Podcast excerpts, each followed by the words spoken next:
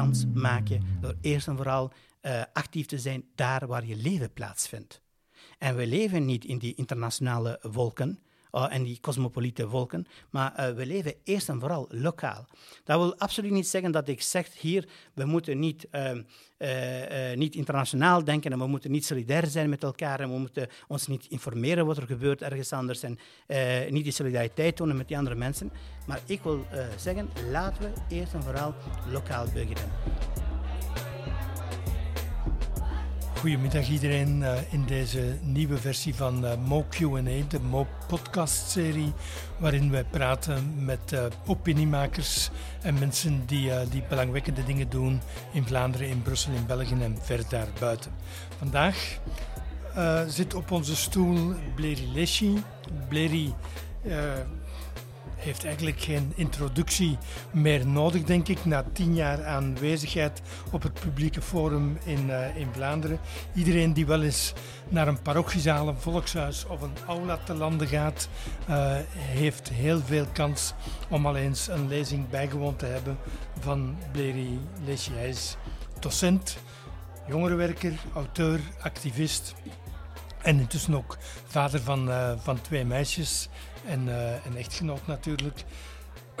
ik leerde Blair Leschi kennen tien jaar geleden uh, bij de voorstelling van zijn eerste boek, dat nog een, het resultaat was van academisch werk, identiteit en interculturaliteit, identiteitsconstructie bij jongeren in Brussel, heette dat, heette dat boek. Intussen is Bleri een auteur geworden die veel meer boeken geschreven heeft voor een veel breder publiek. Ik noem een paar uh, van de titels: Brieven uit Brussel, De neoliberale strafstaat, Liefde in tijden van angst, Inaya, Brief aan mijn kind en De kracht van hoop.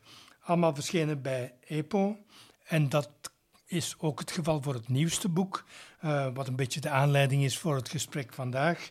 Wat na corona, brief aan Vlaanderen. Een, een boek, Bleri, als ik het goed heb, waar je wel al aan begonnen was voor het virus aan de deur van Vlaanderen klopte.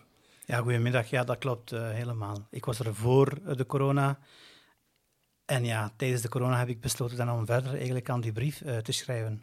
Ja, we gaan uiteraard naar het boek verwijzen, maar we gaan ook wat, wat breder doorpraten. Maar Misschien toch eerst een, uh, een citaatje. Ik zou uh, met een citaat uit het boek willen beginnen, uh, omdat je op een bepaald moment schrijft, net als deze aan, ik zal het parafraseren, net zoals in de brief aan Inaya, komt ook deze brief aan Vlaanderen voort uit liefde. Je leest het goed, liefde. Want Vlaanderen, ik heb je lief. De coronacrisis heeft dat alleen maar versterkt. Dat is verrassend om dat te lezen uit de pen van een Brusselaar. Ja, ik weet niet of het verrassend is, uh, omdat voor mij uh, Vlaanderen en Brussel, er is altijd een link geweest en er zal altijd een link zijn. Ja? Um, en ook het feit, uh, zoals je daar straks ook in de inleiding uh, zei, ik kom ongelooflijk veel in Vlaanderen.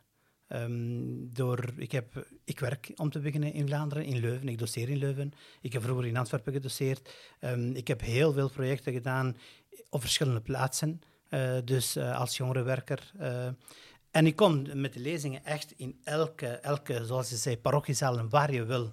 Um, en dus ik, heb, ik, allez, ik, ik voel echt een verbinding met Vlaanderen. En de brief, ik schrijf dat omdat Eigenlijk de belangrijkste reden om, om, om, dit boek, om deze brief te schrijven, was uh, bezorgdheid. Maar er was ook een andere reden, uh, liefde voor Vlaanderen. En uh, ik overdrijf absoluut niet als ik dat zeg, want zo voelt het. Um, ik, ik vind het belangrijk om als Brusselaar, net als Brusselaar, en als een Brusselaar met migratieachtergrond, ook die boodschap naar Vlaanderen te sturen, naar de Vlamingen. Omdat ik heb er een hekel aan die, uh, aan die mensen die, of zo gezegd, op de barricade staan. We weten wel van welke kleur en geur dat ze zijn. En ze zeggen, Vlaanderen is enkel van ons.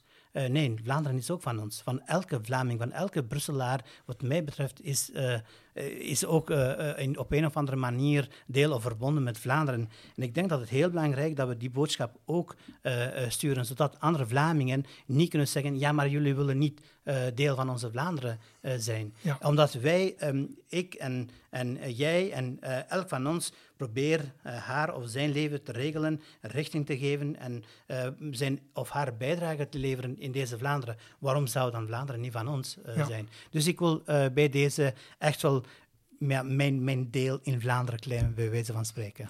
Maar op dezelfde bladzijde uh, in dat boek schrijf je verder, en ik citeer opnieuw: Beste Vlaanderen, ik wil eerlijk met je zijn.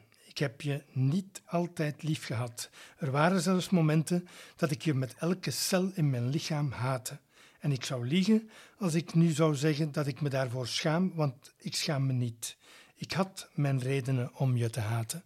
En dan kort daarna vertel je om te beginnen het verhaal van Café d'Anvers. Misschien moet je, voordat we het over de liefde hebben, het toch over de haat hebben en, en over de moeilijkheden die je gehad hebt met Vlaanderen. Ja, het is belangrijk om, uh, eerlijk te zijn. Ik denk dat het een bepaalde moed uh, uh, vraagt, maar ook een bepaalde sterkte om die moed te hebben. en zeker als je natuurlijk naar, naar een breder publiek gaat. Want dit is niet enkel een verhaal dat ik met iemand deel, dit is een verhaal dat ik met iedereen deel. Um, ik heb, het, ik heb het heel moeilijk gehad. We spreken hier over, ik denk begin jaren, ja, ik denk vrij zeker eh, begin jaren 2000. Um, ehm, en in Vlaanderen komen en de taal niet zo goed spreken en uh, dus, Vlaanderen niet kennen. Um, en weten dan, horen dat er, dat er je, je bent een jonge mens, 18, 19, 20, en je hoort dat er één op drie Vlamingen toen op Vlaams Belang had gestemd. En zeker in Antwerpen, waar ik dan kwam, het verhaal van Café d'Anvers. En meemaken telkens als je daar komt, hoe de mensen, hoe raar dat de mensen naar jou kijken. Ik kon dat toen allemaal niet plaatsen. Ik was toen niet de mens die ik vandaag ben. Hè. Ik was veel minder bewust, ik was veel minder kritisch. alles wat je wil. Ik was gewoon een, een jonge mens, een student, die van het leven probeert te genieten en die eigenlijk niet echt over die, die soort zaken dacht. En ik kwam dan ene keer op Café d'Anvers uh, met, met een paar vrienden. En die vrienden, dus er was één persoon van Marokkaanse origine en ik. En de rest, dat, dat waren witte mensen. En zij, die witte mensen mochten binnen en wij konden niet naar binnen gaan. Ja. En we hadden ons op voorbereid, hè, want we wisten bijvoorbeeld, als je migratieachtergrond hebt, op zijn minst moet je een, een, een meisje mee hebben. Anders maak je sowieso geen kans om binnen te geraken. Dus we waren gewapend wat dat betreft met voldoende meisjes in onze gezelschap, maar het heeft niet mogen baten, dus we konden niet binnen. En ik heb toen, ja, ik zeg een boekstomiteit, maar het is allesbehalve een stomiteit. Een van de securities die vroeg mij, ja, uh, wat ben je? Ik dacht, well, wat ben ik? En ik, op een bepaald moment, ik zeg, ja, wat bedoel je? Ja, welke origine heb je? Ik zeg Albanees. Maar blijkbaar, dat was echt niet wat je moest zeggen begin jaren 2000 in, uh, in Antwerpen. En ja, daar zijn mijn kansen helemaal naar nul gegaan om binnen te geraken. Ja, dat is, het is één heel concreet voorbeeld van, van hoe je geconfronteerd bent zelf met, met racisme, met, met discriminatie op basis van je voorkomen of je afkomst. Ehm, het is niet de enige keer dat je daarmee geconfronteerd geweest bent. Nee, en, en pas op, hè, want we hebben het nu over Antwerpen, maar dit soort zaken heb ik jammer genoeg op, uh, op verschillende plaatsen meegemaakt. Ook in het boek vertel ik over Gent. Uh, laten we tegen Polen, als je voor sommigen nemen. En in Gent, niet zo lang geleden eigenlijk, waar ik een van mijn boeken aan het voorstellen was. En dan letterlijk, ik had het over de burn-outs. En ik heb het ook in het laatste boek over de burn-outs. En dan zegt een dame, ja, als het jou hier niet aanstaat, ga terug naar je eigen land. Ja? En er was wat commotie in de zaal. En ik zeg aan die mevrouw, ik zeg, waarom zegt u dat? Ja, want je hebt wel enkel maar te klagen. Ik zeg, um, de situatie aankaarten van honderden duizenden Vlamingen die op dit moment aan burn-out lijden, dat is niet klagen. Ik zeg trouwens, ik zeg, waarom moet ik terug naar mijn eigen land? Ik zeg, ik, ik, beloof u, voor deze mensen, er waren, ik denk zo'n 80, uh, 90 tal mensen in de zaal. Ik beloof u, ik zei, voor al deze mensen, dat ik mijn valies klaar zal maken en hier zal vertrekken, als je mij goede argumenten kan geven waarom ik terug naar Vlaanderen moet gaan. Ja? En toen? terug naar, terug naar, uh, ja, terug naar mijn eigen land uh, uh, moet gaan. En toen ik zei, voordat u begint, u weet dat ik hier twee diploma's heb behaald, dat ik hier beide landstalen heb geleerd en spreek, weet dat ik hier op een bepaald moment twee jobs heb gehad, weet dat ik hier al jaren als een werknemer, maar ook als iemand die geëngageerd is als vrijwilliger, als een activist, een bijdrage inlevert, waarom moet ik nu terug naar mijn eigen land gaan? En toen was het stil. En toen zei ze niets. en dit is, ik bedoel, dit is, uh, het gaat niet om mij. Maar ik heb gisteren bijvoorbeeld een video ge gezien van een, van een Britse journaliste, aan wie twee dagen geleden letterlijk, omdat ze dan uh, de huidige situatie met racisme en zo was aan het aankaarten, waar een van de gasten in de studio zegt, ga terug naar je eigen land. Ja? Dus live op BBC. Dit is wat heel veel mensen met migratieachtergrond maken. En die doet iets. Die doet iets in de zin van, um, als, je daar, als je daar nog niet uh, bewapend bent, hoe je met zo'n dingen moet omgaan. Met die tweede incident kon ik veel beter omgaan natuurlijk dan met die eerste. Ja? Dan, dan, dan, dan natuurlijk ontwikkel je een bepaalde haat. Ja. Maar hoe, wat bedoel je met, met gewapend zijn? Want dat is een, de vraag die ik eigenlijk wou stellen. Je, je maakt als jonge man uh, die heel geëngageerd is, dat soort afwijzing, discriminatie, racisme, brutaliteit eigenlijk mee. Uh, op welke manier ga je dan daarmee om, om uiteindelijk uit te komen bij een verklaring van liefde aan dat deel van het land dat je eigenlijk heeft proberen uitspuwen? Ja. Um, ten eerste, wanneer je, wanneer je ergens um, met racisme of discriminatie of uitsluiting of uh, stereotypes of vooroordelen wordt geconfronteerd, uh, je moet er je moet, je moet een bepaalde sterkte hebben, je moet een bepaalde kennis hebben, je moet een bepaalde bewustwording hebben, je moet een bepaalde uh, woordenschat hebben om je daar te verdedigen, om, om, om, om daarmee te kunnen omgaan. En niet iedereen heeft dat. En daarom bijvoorbeeld dat, we, dat het zo belangrijk is om, om daarin in te zetten. Ja? Um, ten tweede, wanneer je dat, dus wat ik net benoemd heb, niet hebt, je, je kan ook niet ehm, je kan ook niet. Uh,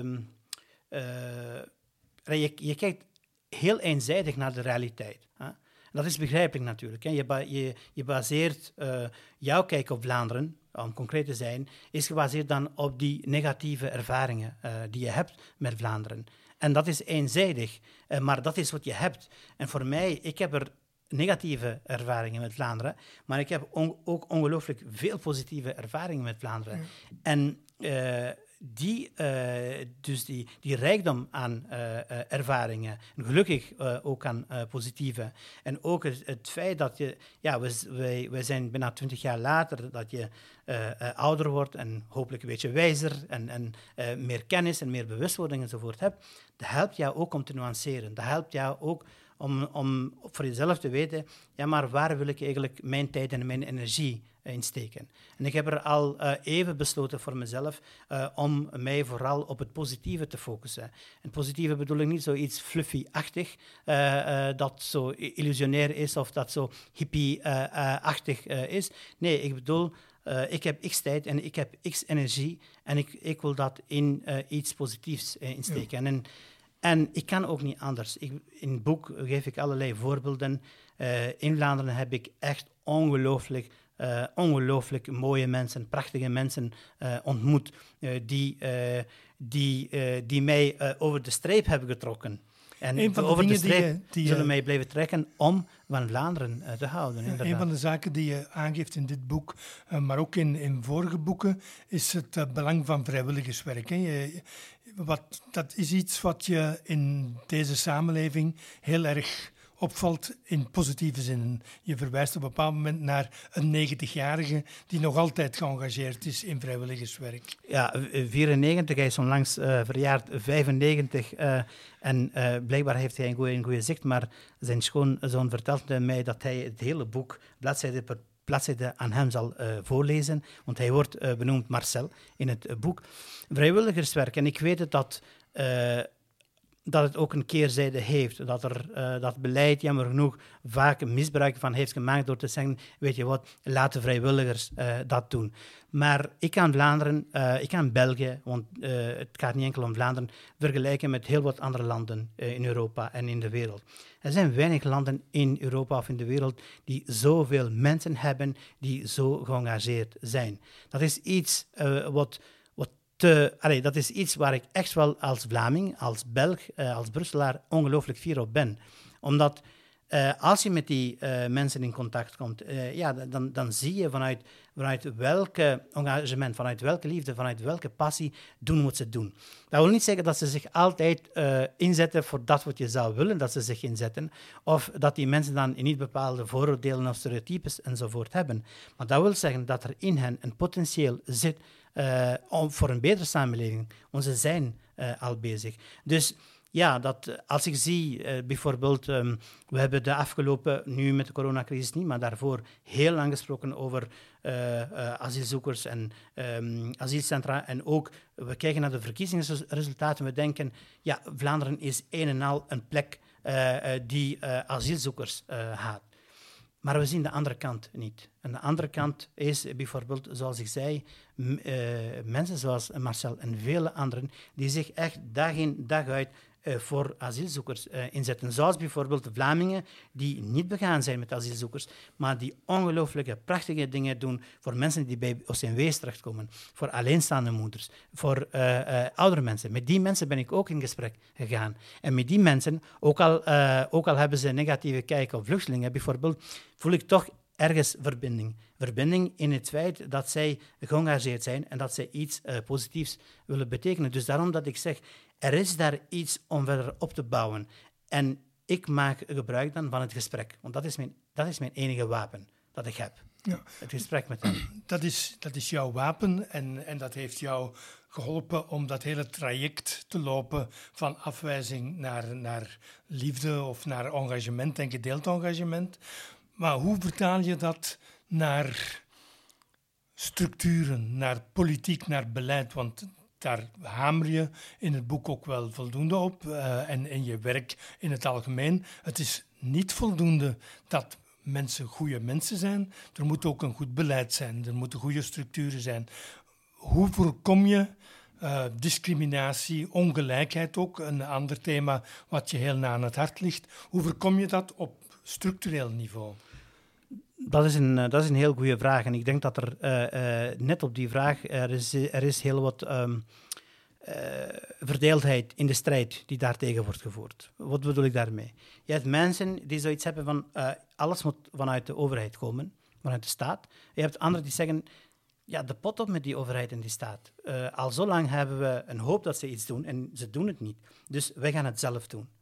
En persoonlijk ik ben er altijd uh, daartussenin. Uh, uh, ik heb me daartussenin gepositioneerd. voor mij is het belangrijk dat wij als burgers onze verantwoordelijkheid nemen, onze burgers in tonen, noem het hoe je wil. Maar tegelijk, ik denk dat het fout is om te zeggen, weet je wat, we zullen het zelf doen en politiek, daar, daar moeten we niets van verwachten. Nee, ik, ik betaal belastingen aan politiek. Politiek heeft een bepaalde verantwoordelijkheid. Ja? En we moeten op geen enkele manier aan politiek de signaal geven: jij hebt hier geen verantwoordelijkheid te nemen. Dus ik, ik denk als burger, en met die andere initiatieven van burgers bijvoorbeeld, die ik in boek, uh, of in al mijn boeken eigenlijk naar voren laat komen, is om politiek te inspireren. Om politiek te laten zien, kijk, uh, het kan ook anders. Kijk, je hebt burgers in dit land die mee uh, willen in die richting. En ik denk, um, laten we inspelen even op de actualiteit. Ja? Um, het, is, um, het is prachtig uh, als je ziet bijvoorbeeld hoe in korte tijd, de laatste dagen, heel wat mensen bewust zijn geworden over het thema racisme en discriminatie. Ja? Het is jammer natuurlijk dat, dat, uh, uh, dat de dood van iemand en die uh, ongelooflijke, gruwelijke beelden daarvoor nodig zijn. Maar, maar goed, anderzijds zie je bijvoorbeeld dat hoe middenveldorganisaties of hoe instituties zoals een universiteit in Bergen of in KU Leuven enzovoort, zonder dat ze direct met de vinger worden gewezen of maar lichtjes en al stappen nemen. Wel, waarom, waarom gebeurt dat niet door politiek? Of concreet gesteld. In het, uh, ik schrijf onlangs een opiniestuk voor de VRT, uh, eh, waar ik, waarin, waarin ik het had over Edward Colston, zijn standbeeld die in Bristol uh, naar beneden wordt gehaald en in, in, het, in het water wordt gegooid. Ja. Mijn voorstel is ja, dat ik zou het liefst in ons land hebben dat niet de woedende massa dat gaat doen met de, met de standbeelden van Leopold enzovoort, maar dat, de, dat politiek dat zelf doet. Omdat zij, zij weet dat er daar absoluut... Uh, zij weten wel wie Leopold II bijvoorbeeld was. Doe dat, zet het ergens in een museum. En voor mij met, de nodige, met de nodige contextinformatie. En voor mij, dat is hoe een politiek bijvoorbeeld concreet uh, haar verantwoordelijkheid uh, kan uh, nemen. En niet zozeer moet wachten totdat ze niet anders kan. Of bijvoorbeeld nu de roep naar praktijktesten. De roep, dus het is één zaak wat bepaalde politici, en ik ga ze bij naam noemen, wat een Bart Somers of parlement zegt, of wat een Siam El Kawakibi in, op de afspraak zegt. Mooie woorden allemaal, ja. Maar als we gaan zien hoe ze bijvoorbeeld gisteren in het parlement hebben gestemd, ja, uh, voor praktijktesten enzovoort, daar stemmen ze tegen. Dus, en voor mij, de, de burgers uh, en de kritische stemmen zijn er nodig om politiek wakker te houden, om politiek bij de les te houden en te zeggen, je hebt ook een verantwoordelijkheid. Je gaat het ook niet enkel in woorden, maar ook in daden moeten laten zien. Ja. Is die tussenpositie, zoals je zegt, uh, tussen uh, de verantwoordelijkheid van de staat en de verantwoordelijkheid van de burger, en je probeert die aan elkaar te verbinden, is dat heeft dat te maken met je, met je persoonlijke achtergrond? Je komt uit Albanië, je hebt zelf al gezegd. Uh, het communisme in Albanië behoorde niet tot de meest vriendelijke vormen die het communisme aangenomen heeft op de wereld. Um, resulteert dat toch in een soort uh, voorzichtigheid ten opzichte van een, uh, een staat die, die alles gaat doen? Um, ik denk niet dat er uh, een staat alles moet doen. Het heeft niet enkel met, uh, met, het, uh, met, het, met mijn ervaring van een dictatuur, de ergste dictatuur in Europa, een van de ergste in de wereld. Ja? Maar het heeft ook met het feit te maken dat ik ongelooflijk veel vertrouwen en potentieel zie in de mens, in de burger. Ja? En voor mij daarom, um, als het bijvoorbeeld ik ben er dat er bepaalde uh, cruciale diensten, uh, ik zie ze liefst in de handen van de staat. Maar er zijn andere zaken die, uh, wat mij betreft, vanuit de burgers, vanuit de werknemers enzovoort, kunnen georganiseerd worden. Voor oud-links of voor heel wat mensen langs de linkse zijde, daar zijn ze geen voorstanders van. Ik begrijp dat. Maar ik denk, en er zijn genoeg voorbeelden in Griekenland, in Spanje, in Portugal, in Argentinië en waar je wil, die laten zien dat dat manier van organiseren van onderuit ongelooflijk uh, empowerend, uh, emanciperend en versterkend uh, is. Dat het niet per se in de strijd is, bijvoorbeeld met, met, met een staat of met een overheid. Dus ik denk naar de toekomst toe. Um, kijk, voor mij, hoe ik het zie, is. We kunnen nog niet zeggen hoe precies dat wat er zal komen moet eruit zien. Wie dat zegt, is een valse profeet. We kunnen dat niet zeggen. Maar ik weet wel, min of meer, ik heb een aantal ideeën uh, en ik haal inspiratie bij allerlei mensen om daar naartoe te werken. Ja? En ik denk dat we naar de toekomst toe, we kunnen niet anders dan naar iets nieuws werken. En dat nieuws, dat wil, zeggen, dat niet zeggen dat het niets van het oude mag hebben. Dat mag hebben, uh, bepaalde zaken die goed zijn geweest of die, die, die, die, die, die kans uh, maken om het goed te doen. Maar we moeten ook allerlei nieuwe elementen inbrengen. Meer, democrat, meer democratische, participatieve elementen. Niet enkel op niveau van besluitvorming, maar ook op niveau van hoe we de dingen doen. En ik kan u één ding zeggen, in Vlaanderen, als we willen, die weg inslaan, zijn we echt wel goed bewapend om zoiets uh, te kunnen realiseren. Ja, en voor diegenen die zouden denken dat, uh, dat dat beroep doen op de burger, dat dat toch wel erg liberaal klinkt.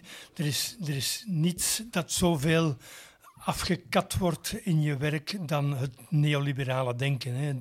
Dat begon bij de neoliberale strafstaat, of zelfs al daarvoor. En, en in elke bijdrage die je levert, uh, maak je duidelijk dat de huidige dominante neoliberale ideologie dat die nefast is voor mens en voor maatschappij. Ja, ja uh, ongetwijfeld, maar ik, ik, ga een concreet voorbeeld uit het Brussel uh, nemen. in mijn eigen gemeente Schaarbeek. Ja we hadden daar, en we hebben nog steeds jammer genoeg, heel wat problemen met verkeersveiligheid. 1030-0 ontstaat daar, burgers die er genoeg van hebben. Ja. Wat er veranderd is in Scharebeek in zes, zeven maanden tijd, was, was ondenkbaar. Was letterlijk ondenkbaar. Wat er veranderd is geweest rond luchtvervuiling en verkeer, uh, mobiliteit in Brussel de afgelopen twee jaar, was ondenkbaar. Dus dat is, dat is wat ik wil zeggen, het kan snel gaan. Waarom is het snel gegaan? Niet zozeer omdat we opeens een hele nieuwe politieke elite daar hadden, maar omdat we burgers hadden ja, die zich organiseerden. Omdat we middenveldorganisaties hadden, die de middelen, de tools en de expertise enzovoort hebben ingezet, samen met de burgers, om politiek te zeggen, kijk, het kan anders en we willen dat het anders wordt. En dus, als je kijkt bijvoorbeeld naar ik heb ook mijn eigen kritiek naar het beleid dat de Brusselse, huidige Brusselse regering voert. Maar het moet gezegd worden. Als je kijkt bijvoorbeeld uh, welke aandacht en welke beleidsmaatregelen worden genomen. Ik ben echt wel ook een trotse Brusselaar, omdat ik zie dat er volop in een, in een goede richting uh, wordt gewerkt. En dus, ja, wie maakt dat mogelijk? Dat wordt ook mogelijk gemaakt door burgers. En ik kom terug bij wat ik daarnet zei. Omdat wij een sterke uh, vrijwilligerswerk cultuur hebben in dit land. Ook bij jonge mensen. Want vaak wordt gedacht, oh ja, maar dat zijn de ouderen, de jonge mensen hebben dat niet meer. Dat is niet waar. Want ik zie dat al, al, al uh, twintig jaar in mijn omgeving. De jongere mensen zijn eerder geïnteresseerd om internationaal hun engagement uh, aan te gaan dan lokaal. Um, ik heb vaak genoeg geprobeerd om hen te overtuigen om in Brussel te blijven en hun engagement hier aan te gaan. Maar ik respecteer die keuze. Uh, en ik denk dat er een moment gaat komen, en ik zie dat steeds meer gebeuren, wanneer er een, een, een positieve energie uh, uh, ontwikkeld wordt, dan zie je hoe steeds meer mensen daaraan deel willen nemen. Nogmaals, de actualiteit zie bijvoorbeeld nog nooit hebben we zoveel jonge mensen in alle kleuren en geuren gezien dan bij de recente betoging. Zonder mij uit te spreken of dat goed, een goed plan was of geen goed plan, maar en dat is, dat is waar wij uh, moeten op inzetten. Hoe kunnen we al die, al die jonge mensen, ja, in al hun diversiteit, en we weten dat, dat dat straks de meerderheid zal worden in Vlaanderen en in Brussel, hoe kunnen we uh, hen zo, uh, zo, bewust mogelijk en zo sterk mogelijk maken, zodat zij burgers worden met een burgerzin, maar zodat zij ook op een goede manier met politiek kunnen omgaan. In, dat is de uitdaging. In, april deed ik een, een rondvraagje bij een aantal organisaties in, in Congo, in Ecuador, in de Filipijnen en in, en in Syrië rond de impact van, van de coronacrisis. En als bottomline uit die rondvraag kwam uh, de stelling: lokaal is het nieuwe normaal. Uh, we zijn door de coronacrisis gedwongen om, uh, om in hele kleine kring ons terug te trekken in zekere zin. Maar daar ontstond plots op heel veel plaatsen nieuwe solidariteitsinitiatieven en vormen. denk je dat, dat die ervaring dat die ons zal helpen om op termijn tot een andere samenleving te komen? Of is dat een klein piekje en zijn we dat straks weer kwijt? Kijk, toen ik uh, politieke wetenschappen aan de VUB heb gestudeerd, uh, er werd echt op ons uh, erop gehamerd dat wij enkel het, het, globale niveau, cosmopolieten waren, internationale politiek. We moesten enkel met dat bezighouden. Er werd letterlijk neergekeken op het lokale niveau. Ja, letterlijk, er werd neergekeken. Ik heb begrepen, nadat ik mijn studies had afgemaakt en besloot om niet carrières te maken in, in die diplomatie enzovoort, maar gewoon jongerenwerker te worden in deze stad, dat, want ik wou eigenlijk, uh, ik heb politieke, internationale politiek gedaan, ik wou de wereld veranderen.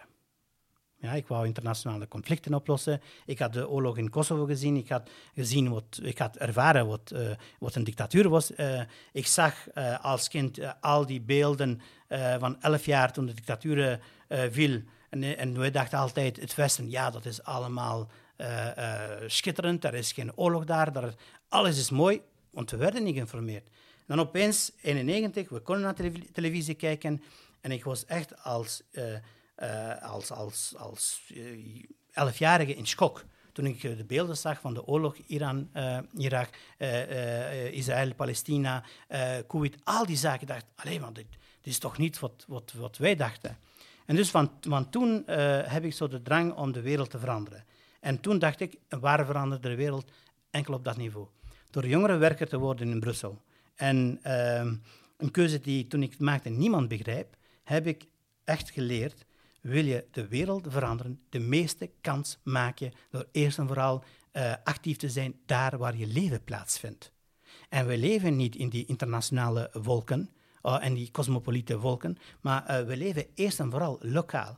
Dat wil absoluut niet zeggen dat ik zeg hier, we moeten niet, uh, niet internationaal denken en we moeten niet solidair zijn met elkaar en we moeten ons niet informeren wat er gebeurt ergens anders en niet die solidariteit tonen met die andere mensen. Maar ik wil zeggen, laten we eerst en vooral lokaal beginnen. En een van mijn grote inspiratiebronnen om dat te doen is de pedagoog Paulo Freire. Freire, die eigenlijk lang geleden hè, uh, al op hamerde. En hij zei, de beste plek om solidariteit uh, uh, heruit te vinden, zei hij, en echt een kans te geven, ik ben hem bijna letterlijk aan citeren, is op lokaal niveau. Ik denk dat dat steeds meer, vandaag ook door de crisis, niet enkel in die landen, maar ook in ons land, ook in Vlaanderen, blijkt dus dat steeds meer de plek is waar we elkaar kunnen ontmoeten en iets nieuws kunnen lanceren. Ja. Lilith ik ga nog eens een kort stukje uit, uh, uit je boek uh, citeren, omdat je zegt, uh, je citeert een, in een, uit een briefwisseling met senioren van de socialistische mutualiteiten. En in een van die brieven schrijft een moeder aan haar dochter, de wereld is misschien toch een mooie plaats, maar je moet weten waar je moet kijken. Mijn wens voor jou is dat je altijd zult weten waar je moet kijken om mooie dingen te zien. Je, je benadrukt heel erg ook het feit dat er veel meer schoonheid is en goedheid is op de wereld dan wat we in de media te zien of te horen krijgen. Uh, hoe belangrijk is dat aspect om aan een betere toekomst te werken? Uh, ik denk dat dat heel erg belangrijk is. En ik ben blij dat je net uit die citaat hebt gekozen, want toen ik het las in die brief, het heeft me echt getroffen en ik ben het niet meer vergeten. Uh, omdat het verwoordde net wat ik in al mijn boeken probeer te doen. Ik probeer de mensen eigenlijk uh, iets anders uh, te laten zien. En ik weet dat het niet de mainstream uh, verhaal is en ik weet dat het um, minder succes zal hebben, maar dat maakt niet uit. voor mij de andere kant laten zien. En in, dit, in, in mijn geval is dan ook vaak de positieve kant. Ja, het is ongelooflijk belangrijk. Waarom? Omdat er is heel veel wanhoop, er is heel veel machteloosheid. Ongelooflijk veel machteloosheid. En de corona heeft dat enkel maar erger gemaakt. Mensen die, die de capaciteiten hebben, die de wil hebben, uh, uh, die, die, die, zouden, die zich zouden willen inzetten of iets willen betekenen in, iets positiefs, maar die zich machteloos voelen. Ons denken, ja, maar wat kan ik ondernemen tegen het politiek systeem? Wat kan ik ondernemen tegen dit systeem? Wat kan ik ondernemen tegen Jeff Bezos of ik weet niet wie allemaal? En ik, ik denk, behalve ongelijkheid, dat volgens mij het grootste probleem is in de wereld. Een van de grootste problemen waar we zo weinig over praten en zo weinig over schrijven, is machteloosheid. Ja? En dus de vraag is voor mij, hoe kunnen we die machteloosheid in iets positiefs omzetten? Wel, om dat te kunnen doen, moeten we eerst en vooral de machteloosheid bij die mensen erkennen. Niet, niet komen moraliseren, niet komen zeggen, ja, maar ik ga het jou hoe het moet enzovoort. Maar uh, uh, eerst erkennen en zeggen, en achteraf zeggen, kijk, hier voorbeelden, concrete voorbeelden, niet enkel woorden, theorieën, van mensen die al aan het doen zijn. Ja. En voor mij, dat is wel belangrijk om te laten zien. En ik vind dat de mainstream media dat veel te weinig doet. Ik kan een concreet voorbeeld geven en ik geef deze complimenten niet omdat het uw media is.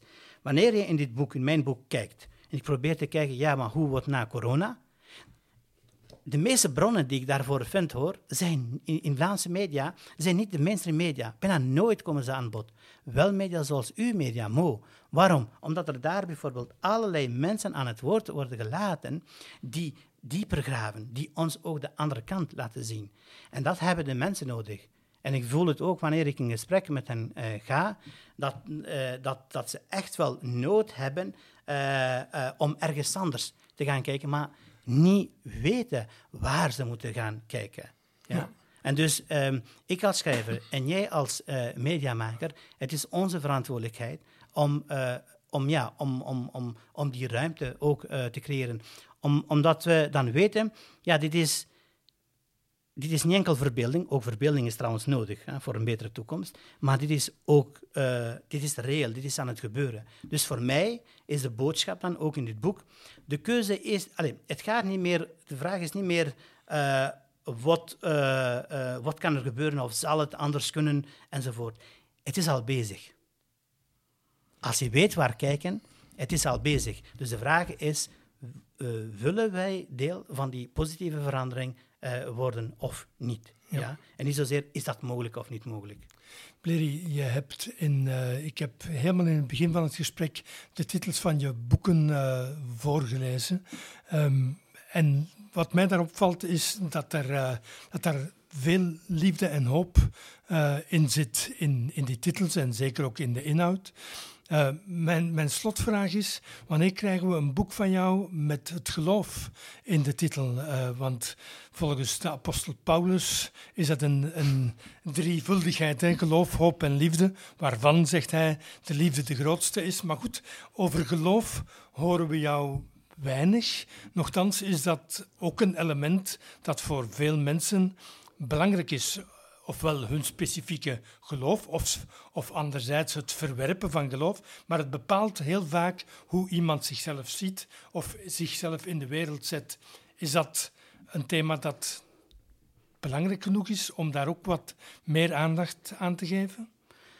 ongetwijfeld in het boek eh, Liefde in tijden van angst komt dat uh, aan bod. In, in mijn vorige boek, De kracht van hoop, komt dat veel aan bod eigenlijk. Uh, ik heb daarover het feit dat, uh, dat ik multigelovig ben. Ook in najaarbrief van mijn kind komt dat ook aan bod. maar ik, heb het, ik heb het geluk om Albanees van origine te zijn. En in Albanië te zijn geboren in een land dat op papier de allereerste atheïstische staat ter wereld was? Uh, officieel. Maar waar, waar momenteel um, verschillende religies samenleven, waar, waar wij de feestdagen van elkaar vieren. Ik ben daar van thuis uit ben ik christelijk, maar ik noem mezelf multigelovig. Um, dus ik ben gelovig. Maar en daar heb ik de kans gehad om tussen mensen op te groeien die zich moslim noemen of die, die vrijzinnig noemen enzovoort. Dus in, in al die diversiteit. En dat heeft mij dat, heeft mij echt een, dat geeft me een heel andere kijk uh, uh, op, de, op de plek die religie kan nemen in onze samenleving. Het is doodnormaal. bijvoorbeeld, mijn, ik ben zoals ik zei, van thuis uit ben ik christelijk, maar ik ben getrouwd met iemand die van thuis uit moslim is.